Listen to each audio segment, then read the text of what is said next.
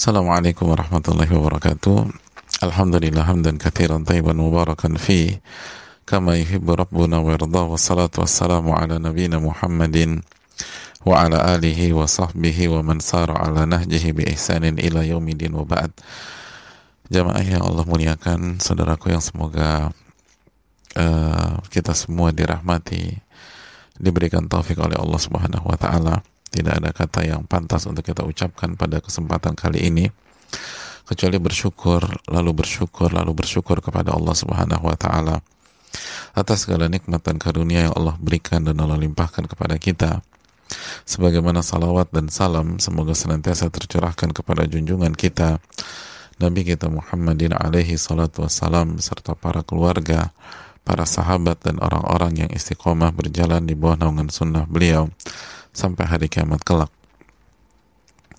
Hadirin yang Allah muliakan, pada kesempatan kali ini kita kembali bersama Al-Imam Yahya bin Sharaf bin Murri Abu Zakaria atau yang biasa dikenal dengan nama Al-Imam An-Nawawi rahimahullahu taala, ulama kebanggaan kaum muslimin, ulama yang dicintai, ulama yang begitu luar biasa dan banyak jasanya kepada kita setelah taufik dari Allah Subhanahu wa taala.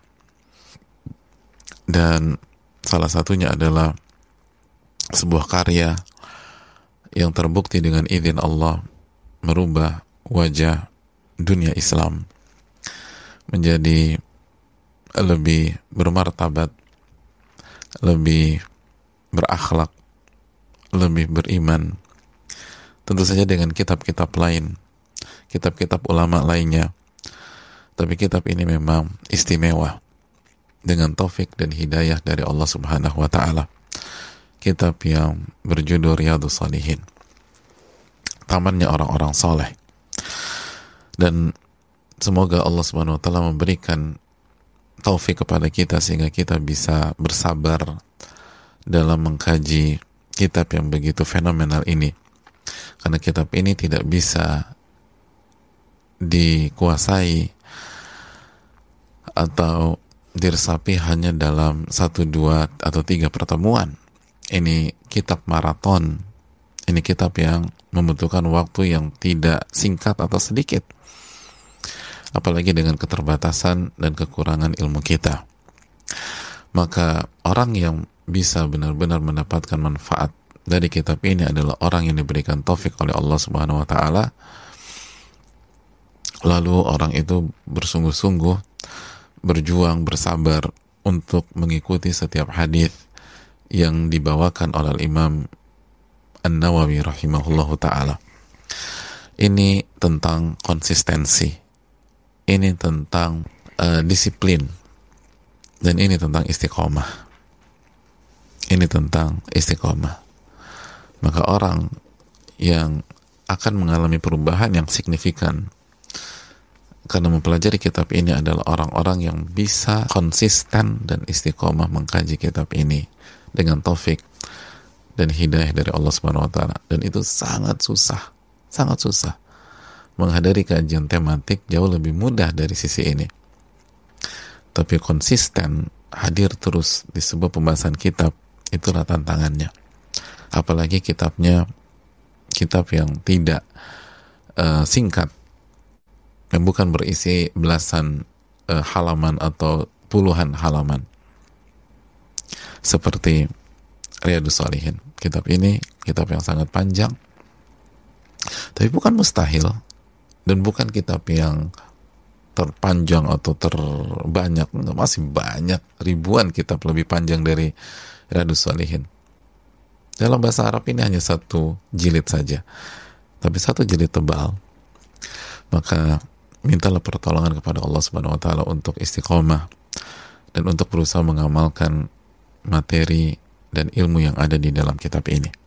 Semoga Allah memberikan taufik kepada kita untuk mendapatkan ilmu yang bermanfaat dan istiqomah dengan melalui Riyadus Salihin. Amin ya rabbal alamin.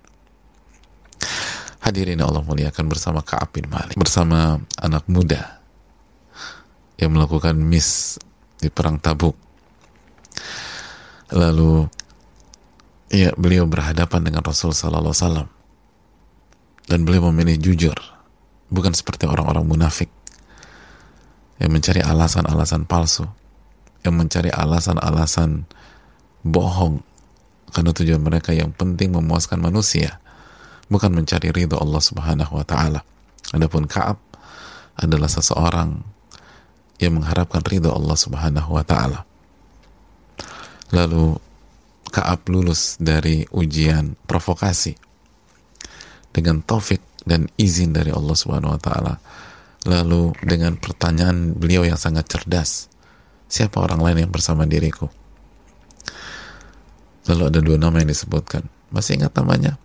Ya, Murarah dan Hilal. Dua tokoh besar. Senior. Teladan. Dan mengikuti perang Badar, ahli Badar. Dan ahli Badar adalah orang-orang yang dikatakan dalam hadis Nabi SAW bahwa Allah menyatakan kepada mereka if'alu syi'tum faqad ghafartu lakum. Lakukan apa yang kalian suka. Aku telah ampuni kalian. Lalu mengapa mereka berdua dihukum di sini? Ini hukum secara dunia kata para ulama sebagaimana telah kita jelaskan bahwa ahli badar diampuni di akhirat. Diampuni di akhirat. Dan jamaah yang Allah muliakan maka mantaplah tiga sosok tersebut berada di atas kejujuran mereka masing-masing. Dan ini menunjukkan sekali lagi peran teman yang baik peran orang-orang soleh dalam kehidupan kita bahkan sebelum mereka berbicara pun kita terinspirasi dengan sikap mereka. Apalagi jika sekali lagi kita bisa berdekatan dengan orang-orang seperti itu. Lalu bukan aja terinspirasi dengan sikapnya dari tindakannya tapi dengan dengan lisan mereka dengan petuah-petuah mereka orang-orang soleh tersebut. Dengan motivasi-motivasi mereka dengan spirit mereka dengan semangat juang mereka, dengan optimisme mereka. Dan inilah sebuah uh, senjata di dalam menjalani kehidupan yang tidak mudah ini. Dan itulah yang didapat dari Ka'ab bin Malik. Kalau orang setegar, semantap Ka'ab bin Malik, itu masih membutuhkan inspirasi dan motivasi dari orang-orang soleh maka bagaimana dengan kita? Dan hadirin Allah muliakan, kemarin kita sudah jelaskan ternyata hukumannya adalah didiamkan. Ternyata tidak ada hukuman fisik, tidak ada penjara, tapi hukuman ini sangat berat. Hukuman ini bukan menyerang fisik, tapi menyerang psikis seseorang, menyerang mental. Semua orang mendiamkan Ka'ab bin Malik, mendiamkan Murarah, mendiamkan Hilal, kecuali yang dikecualikan dan episode ini kita akan jelaskan. Apa yang terjadi? Mereka melihat betapa dunia itu berubah. Seakan-akan mereka tidak mengenali kota Madinah yang selama ini menjadi tanah air mereka. Mereka terasa asing di kota sendiri. Mereka terasa asing di lingkungan sendiri. Tidak ada yang mau menyapa tidak ada yang menjawab salam mereka. Dan tidak ada yang memberikan salam kepada mereka. Tidak ada yang ajak bicara. Tidak ada yang mau ngobrol dengan mereka. Atau sebatas menjawab pertanyaan mereka yang sangat singkat itu. Semua diam, diam, diam, diam. Dan masih ingat bagaimana Rasul SAW pun dengan konsisten menjalankan perintah Allah Subhanahu wa taala dalam hukuman ini. Nabi SAW tidak menjawab salam dari Ka'ab bin Malik. Atau setidaknya itu yang dirasakan Ka'ab bin Malik. Beliau tidak tahu ini Nabi jawab apa tidak. Lalu beliau sholat. Dan saking beratnya beban beliau beliau sampai curi-curi pandang ke Nabi SAW dan beliau merasa belum melihat Nabi tidak ada reaksi. Nabi tidak memperhatikan beliau. Tapi kita tahu bersama Nabi kita SAW adalah orang yang sangat baik, sangat menyayangi sahabatnya, sangat mencintai. Tapi di waktu yang sama, sangat komit dengan perintah Allah Subhanahu wa taala. Dan Nabi orang cerdas. Nabi tahu beliau sedang diperhatikan Ka'ab bin Malik. Ka'ab sedang mencuri-curi pandang beliau. Maka beliau bersikap dengan bijak. Seolah-olah beliau tidak perhatikan Ka'ab. Tapi begitu Ka'ab fokus dengan sholatnya, Nabi menatap Ka'ab. Nabi SAW melihat Ka'ab. Nabi SAW melihat sahabat yang beliau cintai tersebut. Layaknya seorang ayah melihat anaknya dengan penuh rasa kasih dan sayang. Tapi Kaab nggak tahu dan Kaab tidak melihat itu. Dan itulah inti dari hukumannya. Lalu kita tahu bagaimana Kaab benar-benar pusing, linglung, bingung. Sampai beliau panjat dinding kebunnya sepupu beliau radhiyallahu taalaan. Siapa? Abu Qatadah orang yang paling beliau cintai setelah Allah dan Rasulnya. Beliau hanya butuh dukungan. Tidakkah engkau tahu betapa cintanya aku kepada Allah dan Rasulnya? Itu yang dikatakan ke bin Malik. Tapi sahabat yang begitu beliau cintai hanya diam. Ditanya kedua kali diam. Ditanya ketiga kali, jawabannya hanya Allah wa ala, Allah wa Rasul alam. Dan itu pun bukan jawaban kata para ulama. Karena kalau jawaban itu melanggar, itu hanya ungkapan menunjukkan keyakinan dia pada saat itu. Yang tahu hanya Allah dan Rasulnya. Maka Kaab sedih. Beliau berpaling. Beliau keluar dengan cara meloncat pagar atau meloncat dinding itu lagi dan berjalan sambil menangis ya mas kalian anak muda cowok banget laki banget mengikuti puluhan peperangan tubuhnya ada bekas tusukan atau besitan-besitan senjata musuh. Gak kuasa menahan kesedihan ketika didiamkan oleh orang-orang yang beliau cintai. Beliau nangis sambil berjalan. Lalu apakah selesai sampai di sini dan cerita ini sudah klimaks? Ternyata belum. Di saat beliau berjalan di pasar, ada petani dari petani-petani Syam ingin bertemu dengan beliau lalu bertanya pada orang-orang pasar man ya dulu ala Ka'ab bin Malik siapa bisa menunjukkan aku di mana Ka'ab bin Malik fatafiqan nasu yushiruna lahu yushirina yushiruna lahu ilayya hatta ja'ani maka orang-orang pasar mengisyaratkan keberadaanku kepada dia sehingga dia datang kepada diriku Fadafa ila kitaban min maliki Gosan. Lalu orang ini ternyata membawa surat dari Raja Gosan. Dan aku bisa baca pada saat itu. Maka aku baca surat itu dan ternyata mengejutkan. Mengejutkan. Amma ba'du fa innahu qad balagana anna sahibaka qad jafak. Telah sampai kepada kami sebuah berita bahwa sahabatmu, rasulmu, itu bersikap dingin kepadamu, mencueki kamu, mendiamkan kamu. Walam yaj'alkallahu bidari hawanin wala madi'ah. Dan Allah tidak menciptakanmu untuk disia-siakan. Allah tidak menciptakanmu untuk dijatuhkan. Allah tidak menciptakan untuk direndahkan.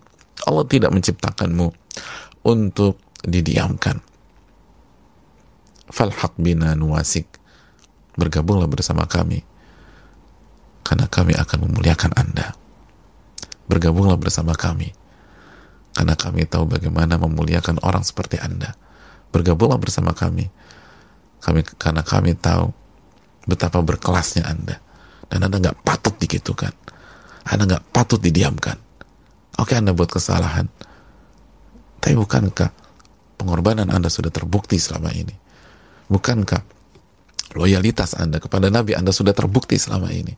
Bukankah kesetiaan Anda kepada Tuhan Anda dan Rob uh, dan Nabi Anda sudah Anda buktikan selama ini. Mereka nggak patut melakukan itu semua kepada Anda.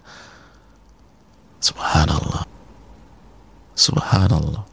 Di saat di saat seseorang benar-benar merasakan kesepian, di saat seseorang benar-benar merasakan kesendirian, di saat seseorang merasakan tidak diperhatikan. Di saat seseorang benar-benar butuh mendapatkan perhatian, ya ibarat berada di Sahara, di padang pasir. Lalu ada orang yang menawarkan segelas air yang segar. Hadirin yang Allah muliakan. Bukankah ini yang terjadi di lingkungan kita atau di kehidupan banyak orang? Kenapa mereka terjatuh ke dalam maksiat? Mereka terjatuh ke dalam dunia hitam. Mereka terjatuh ke dalam dunia obat-obat terlarang. Bukankah banyak orang menjadi pecandu itu karena kehilangan perhatian lalu ia dapatkan perhatian dari teman-teman yang buruk itu. Bukankah karena dia kehilangan perhatian di keluarga? Bukankah karena dia merasa didiamkan? Bukankah ketika dia merasa nggak dilibatkan? Akhirnya dia cari pihak yang bisa menghargai dia. Pihak yang bisa mengangkat dia. Hadirin, hawa nafsu manusia menginginkan panggung dunia untuk dirinya. Hawa nafsu kita itu menginginkan panggung dunia untuk diri kita. Terlepas dalam skop seperti apa atau dalam level seperti apa. Semua bertingkat-tingkat. Mulai dari paling tinggi, level global atau internasional atau nasional atau sampai yang paling rendah. Level keluarga, level rumah tangga, level komunitas dan begitu dia tidak merasa tidak dilibatkan merasa tidak uh, mendapatkan panggung tersebut dia cari pihak lain. Terlepas baik atau tidak pihak tersebut. Untuk mendapatkan yang dia inginkan. Bukankah itu ego manusia?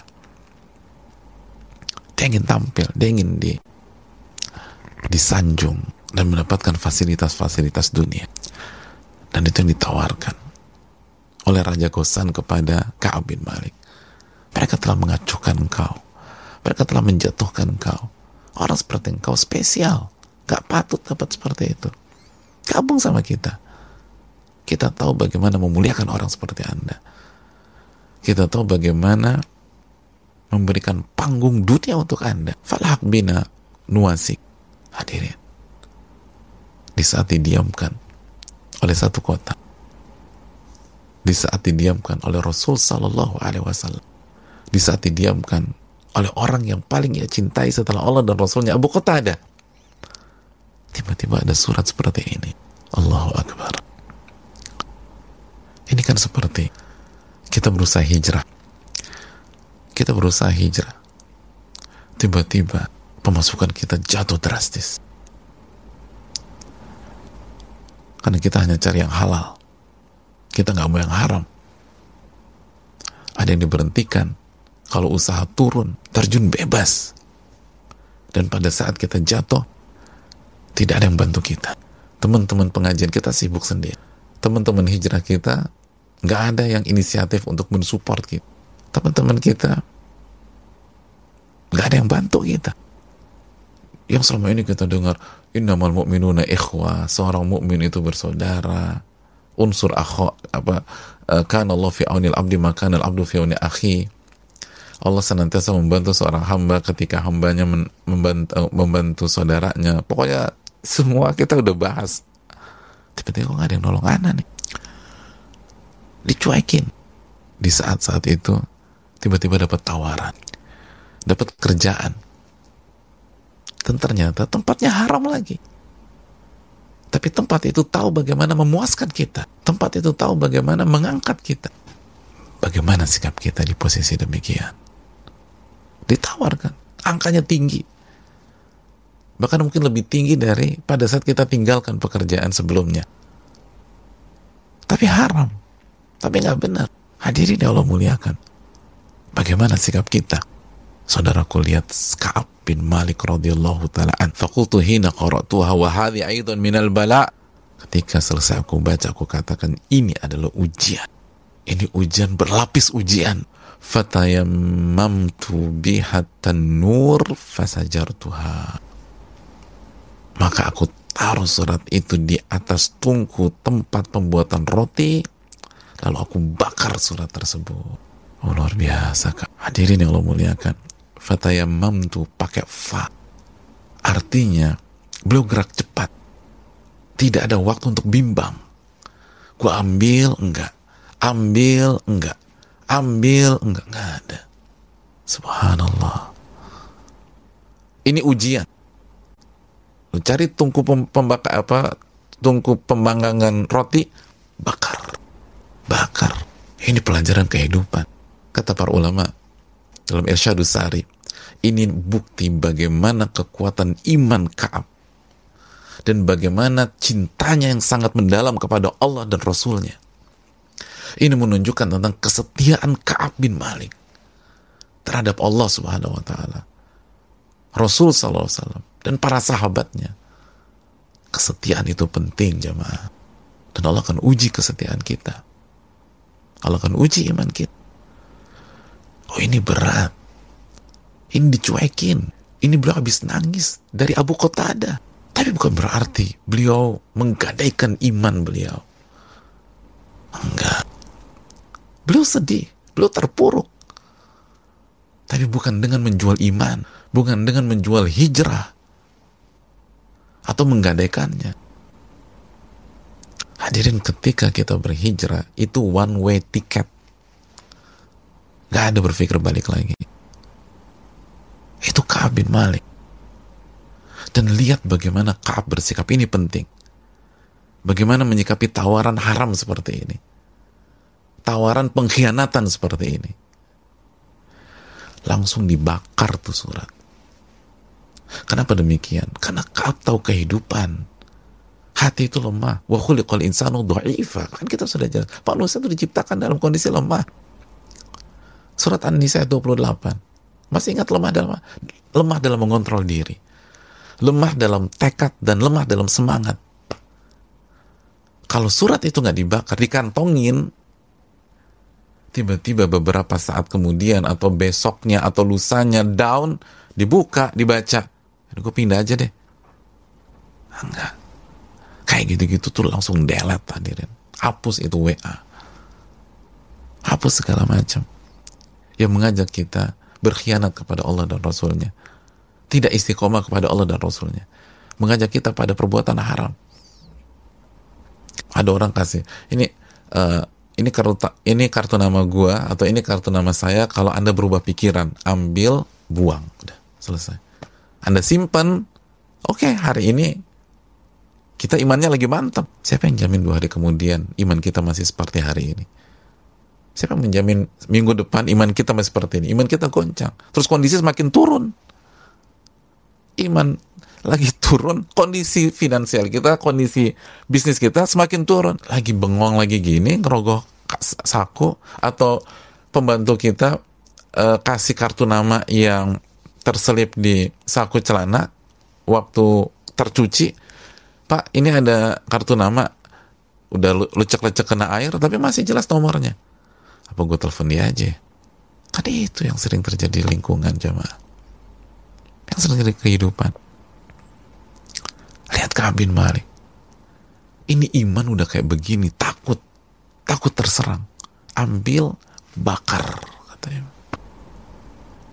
Kalau bahasa kita sekarang itu delet deletin atau buang.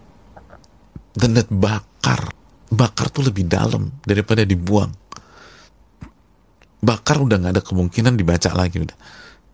Kalau dibuang berubah pikiran. Uh, aduh gue buang di tong sampah yang mana ya? Gue cari lagi deh. Diobrak abrik tong sampah. Ah gue ketemu gue ketemu gue ketemu. Maksiat dan kamu nggak maju mundur padahal beliau lagi terpojok.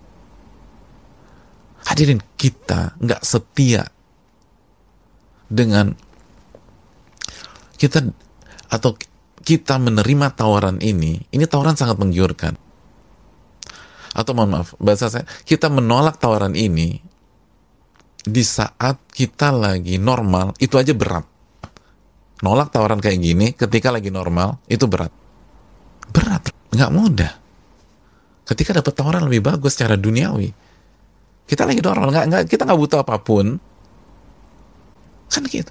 Betapa banyak orang pindah dari pekerjaan halal ke pekerjaan haram padahal dia lagi santai lagi normal. Kenapa? Karena pekerjaan haram itu tiga kali lipat dari gajinya sekarang, empat kali lipat, ada yang enam kali lipat, ada yang sepuluh kali lipat. Dipindah. Padahal dia butuh duit sekarang, enggak juga. Semua tercukupi. Dia butuh makan, semua tercukupi. gajinya rendah, lumayan, oke. Okay. Tapi ini tawaran 10 kali lipat. Itu ya susah. Betul banyak orang meninggalkan teman yang baik, sahabat yang soleha, karena ada tawaran lebih bagus. Komunitas ini menawarkan dunia lebih banyak daripada sahabat-sahabat yang soleh ini. Ditinggalin. Padahal nggak pernah ada masalah dengan sahabat yang soleh. Dia nggak pernah punya masalah dengan sahabat-sahabat yang baik-baik hati tersebut. Dia nggak punya masalah dengan teman-teman dekatnya. Semua baik-baik, semua semua uh, perhatian, semua humble, semua santun, semua saling menasehati karena Allah. Semua saling support. Cuman tawaran dunia dari pihak seberang lebih menggiurkan. Yaudah gue pindah komunitas deh. Kan itu banyak di tengah-tengah kehidupan. Makanya itu aja susah. Sedangkan Kaab mengalami kondisi beliau lagi dicuekin. Lagi dicuekin.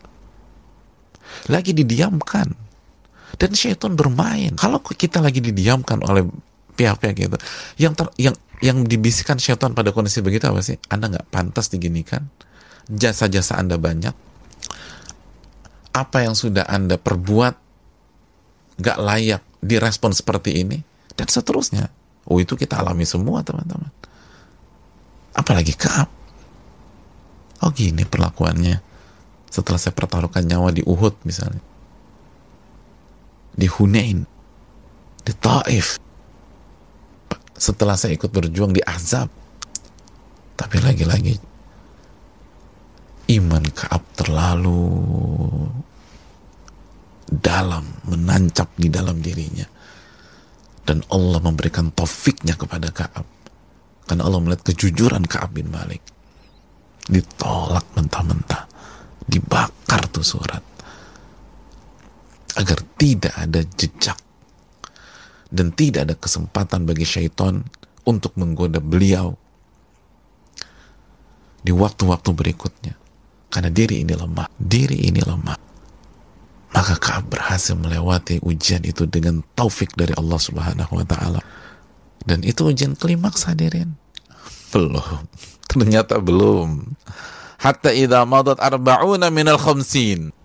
Dan beliau tetap menjalani hari-hari di mana beliau didiamkan oleh satu kota Madinah. Allahu Akbar. Wastalbathil wahyu idha rasulu rasulillah sasam ya'tini. Dan di hari ke-40 ada utusan Rasulullah SAW yang datang ke Ka'ab bin Malik. Diriwayatkan utusan itu bernama Khuzaimah bin Thabit sebagaimana dikatakan oleh para ulama Huzaimah bin Thabit apa gerangan jamaah ada utusan Rasul SAW mengakhiri hukuman ini karena beliau Ka'ab bin Malik sudah menunjukkan loyalitas dan kesetiaannya Fakal utusan itu mengatakan Huzaimah mengatakan Inna Rasulullah sallallahu alaihi wasallam ya'muruka an ta'tazila imra'atak. Sesungguhnya Rasul sallallahu alaihi wasallam memerintahkan engkau untuk menjauhi istrimu, meninggalkan istrimu. Menjauhi istrimu. Allahu akbar. Hadirin yang Allah muliakan, ternyata belum selesai. Jadi, ada orang-orang yang dikecualikan selama hukuman itu berlangsung. Ada anomali dan orang-orang ini boleh berinteraksi dengan tiga orang tersebut. Sebagaimana mengatakan istri dan khadim. Jadi istri dan pembantu di dalam rumah. Atau keluarga inti misalnya. Itu pengecualian. Jadi selama 40 hari ini di mana semua mendiamkan mereka bertiga, itu mereka masih bisa bersama dengan istri mereka. Kaab bisa bersama dengan istri beliau. Murarah bisa bersama dengan istri beliau. Hilal bisa bersama dengan istri beliau. Tapi begitu masuk hari ke-40, ada perintah dari Allah. Ingat, ini hukuman Allah. Diberikan kepada Nabi SAW dan Nabi memerintahkan utusannya Huzaimah bin Thabit untuk menyampaikan kepada Ka'ab. Mulai saat ini Anda harus menjauhi istri Anda. Allahu Akbar. Kebayang gak sih seperti Ka'ab bin Malik. Setelah semua ini. Khususnya setelah menolak tawaran menggiurkan Raja Ghassan alih-alih mendapatkan reward secara langsung. Mendapatkan keringanan hukuman atau hukuman diakhirkan. Sebagaimana yang dipikirkan dan berada di benak banyak orang awam orang-orang kan berpikir ini udah prestasi nih ditolak kesetiaan udah terbukti Loyalitas sudah terbukti. Ini kayaknya hukuman udah selesai ini. Atau paling nggak ada pengurangan masa hukuman. Atau diganti deh dengan lebih lebih nyaman, lebih lebih mudah lagi. Ini berat. Ternyata ditambah, diperintahkan berpisah dengan istri. Hadirin yang Allah muliakan. Di dalam diriwayatkan dalam satu dua riwayat dan dibawakan juga dalam kitab Irsyad Sari itu waktu Raja Gosan menawarkan surat itu. Itu Kaab melapor kepada Nabi SAW. Setelah itu Kaab melapor. Jadi Nabi tahu. Jika kita ambil riwayat tersebut. Dan kalau Nabi, kalau Kaab nggak melapor pun, Allah tahu. Ini perintah dari Allah. Allah Rasulnya tahu kesetiaan ini sosok, ini sahabat. Allah tahu kesetiaan hambanya ini. Dan Nabi SAW tahu ini sahabat yang sangat setia. Tapi tetap jauhkan istri kamu dengan dirimu. Antum bayangin gak sih kalau jadi Kaab? Ya Allah. Itu mungkin kita meledak pada saat itu. Mungkin kalau kita kita nggak sanggup. Meledak kita. Nggak, nggak cukup, cukup, cukup, cukup. Ini, ini udah kelewatan. Udah kelewatan. Anda udah nolak tuh. Raja Gosan. Harusnya kan Anda dapat reward Harusnya udah selesai dong. Harusnya dapat excuse dong. Ada harusnya dapat keringanan. Paling nggak setengah kota dia bisa bicara. Paling nggak Rasul dia bisa bicara sama saya. Dia kok saya disuruh berpisah dengan istri saya. Saya nggak terima udah. Udah cukup. Cukup. Dan mau pergi aja ke Raja Gosan. Mungkin kita begitu cuma Kita balik nih Raja Gosan kita mikir, nih Raja Gosan bener kayaknya nih. Itu kita mungkin. Mungkin. Adapun Kaab, lihat respon beliau. Utallikuha ammadha af'al. Kaab bertanya ke Huzaimah bin Thabit. Apakah aku harus mentalaknya? Apakah aku harus menceraikannya? Atau apa yang harus aku perbuat? Allahu Akbar. Alih-alih melawan, berontak, meledak. Kaab bertanya, aku ceraikan atau apa yang harus aku Subhan, ini kesetiaan. Ini loyalitas. La bal i'taza la bal i'tazilha fala taqrabannaha. Enggak, enggak. Enggak harus diceraikan. Tapi pisah dulu sementara dan jangan dekat-dekat sama istrimu. Wa arsala ila sahibai bimithli dhalik. Lalu Khuzaimah mendatangi Muroro dan Hilal dan mengucapkan hal yang sama. Fakultu limra'ati. Lalu Ka'ab berkata kepada istrinya, Ilhaqi bi ahlik fakuni indahum hatta yaqdi Allah fi hadal amr. Allahu Akbar. Lalu Ka'ab langsung mengatakan kepada istrinya, sekarang kamu siap-siap, kamu berkemas, lalu pulanglah ke rumah orang tuamu. Tinggal sama mereka, sabar, sampai kita lihat apa yang Allah takdirkan dan putuskan untuk kita dalam kasus ini. Allah Allahu Akbar. Eh pulang. Pulang ke rumah orang tuamu. Sekarang berkemas pulang. Tinggal sama mereka sampai kita lihat apa yang Allah takdirkan kepada kita. Pernahkah kita sebagai suami dalam perjalanan rumah tangga kita mengatakan kalimat-kalimat seperti itu kepada istri kita lalu mari kita lihat apa yang Allah putuskan pada jalan takdir kita yang penting kita taat kepada Allah. Taat kepada Rasulullah SAW. Luar biasa kan? Eh, Ini kondisi normal aja orang berontak kalau tidak dijaga sama Allah. Ini kondisi nggak normal jemaah. Ini orang udah capek 40 hari digituin. Pulang ke rumah orang tuamu. Tinggal. Dan nanti kita lihat apa yang Allah takdirkan pada kita. Apa keputusan Allah pada kasus ini. Subhanallah. Maka istrinya kembali ke rumah orang tua. Lihat figur pemimpin dalam rumah tangga. Makanya kita tidak melihat riwayat-riwayat istrinya berontak, melawan, nggak nggak bisa. Kadang-kadang suaminya terima, tapi istrinya nggak terima. Karena pengkondisian jemaah. Suami kayak begini. Ya Allah hadirin. Dalam dialog ini kita melihat bagaimana surat Al-Ahzab ayat 36 itu hidup. Hidup. Bukan hanya ada di mushaf.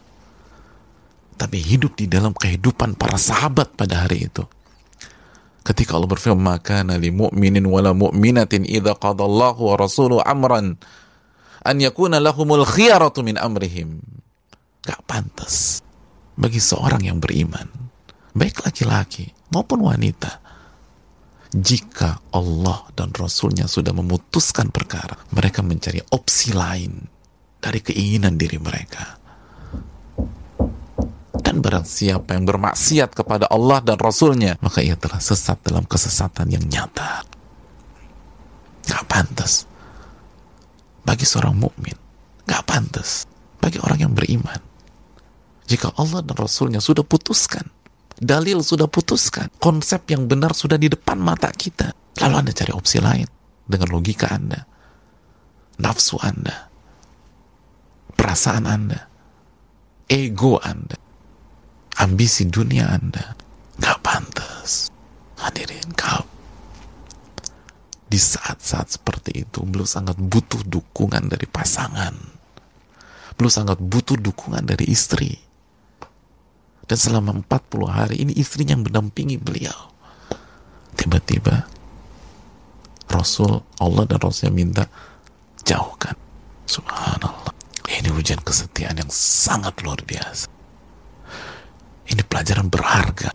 Belum tentu pada saat kita melewati sebuah ujian yang sangat berat dan kita berhasil bahwa di hari esok tidak ada hujan lagi. Kalau ceritanya sampai Raja Gosan itu sudah keren banget udah. Udah habis Raja Gosan, terus habis itu datang pengumuman hukuman diselesaikan. Itu udah keren, cerita ini udah selesai dan bagus, happy ending dan menginspirasi. Ternyata belum. Kan itu kayak kehidupan kita banget. Dan memang ini kehidupan real. Gue pikir udah selesai. Ternyata belum. Itu kalau bukan seorang hamba yang loyal, setia, dan yakin terhadap firman Allah. Wa asa an wa huwa khairul lakum. Bisa jadi. Yang kalian gak suka itu yang terbaik buat kalian. Wa santuhibu syai'an wa syarrul lakum. Dan yang kalian suka itu bisa jadi buruk bagi kalian. Allahu ya'lamu antum la ta'lamun. Allah yang maha tahu. Kalian nggak tahu apa-apa. Hadirin yang Allah muliakan. Maka pulanglah istri beliau ke rumah orang tua si istri. Lalu mari kita berpindah ke rumah Hilal bin Umayyah. Ternyata pada saat Huzaimah menyampaikan itu ke Hilal kondisi Hilal berbeda dengan Ka'ab. Fajaat imratu Hilal. Maka istri Hilal yang bernama Khawla bin binti Asim itu mendatangi Rasulullah SAW beliau memberanikan diri datang kepada Nabi SAW karena kondisi Hilal beda. Faqalat lahu. Lalu Khawlah istri Hilal berkata kepada Nabi SAW Ya Rasulullah Inna Hilal bin Umayyah syekhun da'i'un Laysa lahu khadim. Ya Rasulullah Hilal bin Umayyah itu seorang syekh orang yang sudah tua da'i' dia kondisinya sekarang itu benar-benar butuh terhadap orang yang melayani di beliau. Beliau nggak mampu. Fal takrahu an akhdumahu. Apakah kamu tetap tidak ingin? Apakah engkau tetap tidak ingin atau engkau tidak suka kalau aku berkhidmat kepada suamiku? Kata Nabi SAW, walakin la yaqrabannak. Enggak kok. Aku ridho kok. Kalau engkau berkhidmat kepada suamimu. Tapi dengan syarat, suamimu jangan mendekati dirimu. Artinya jangan bermesraan atau berhubungan. Nabi tahu. Nabi tahu sahabatnya. Faqalat. Lalu istrinya Hilal mengatakan simak baik-baik. Innahu wallahi ma bihi min harakatin ila syai' kata istrinya kan kata Nabi boleh tapi jangan dekati kamu ya. Hilal jangan sampai dekati kamu atau bermesra atau berhubungan. Kata istrinya gini jemaah. Demi Allah ma bihi min harakatin ila syai' ya Rasulullah bagaimana mau mendekati aku? Bagaimana mau bermesraan dengan aku bagaimana mau mencumbuku atau berhubungan denganku? Demi Allah tidak ada satupun gerakan yang beliau lakukan semenjak hukuman ini berlaku. Diam aja. Wallah ma zala yabki mundu kana min amrihi ma kana ila yaumihi hadha. Kata istrinya Hilal demi Allah suamiku ini Hilal. Dari hari pertama sampai hari ini hanya menangis, menangis dan menangis. Gak ada aktivitas kecuali menangis. Gak ada aktivitas kecuali menangis. Nyesel banget. Kok gak ikut perang Badar? Kok gak ikut perang Tabuk? Takut dibenci Allah sama Rasulnya. Hadirin diboykot Allah, diboykot Rasulullah SAW, didiamkan Rasulullah SAW itulah sifat orang-orang beriman. Semakin tinggi iman seseorang, semakin takut dibenci oleh Allah dan Rasulnya. Semakin takut jika Allah dan Rasulnya nggak ridho kepada dia. Padahal hilal alul badar jamaah. Hilal ahli ibadah. Hilal sudah mendapatkan tiket pengampunan dari Allah. Tapi lihat bagaimana takutnya kepada Allah dan dan, dan takutnya kepada Allah dan takut Rasul nggak ridho sama beliau. Dari hari pertama sampai hari terakhir nangis, nangis. Makanya kata istrinya, beliau butuh ada orang yang melayani, gak bergerak, bayangin gak bergerak, nangis. Pernahkah kita menangisi maksiat-maksiat kita? Atau jangan sampai selama ini yang kita tangisi hanya dunia yang ke, yang kita gagal dapatkan. Dunia yang tidak berhasil kita raih. Adapun sholat biasa-biasa aja. Adapun hijab yang terbuka selama ini biasa-biasa aja. Adapun harta yang haram gak ada beban. Adapun keinginan dipuji oleh orang ria dan sum'ah itu hal kecil dalam hidup kita. Lalu pantaskah kita dinyatakan orang-orang beriman?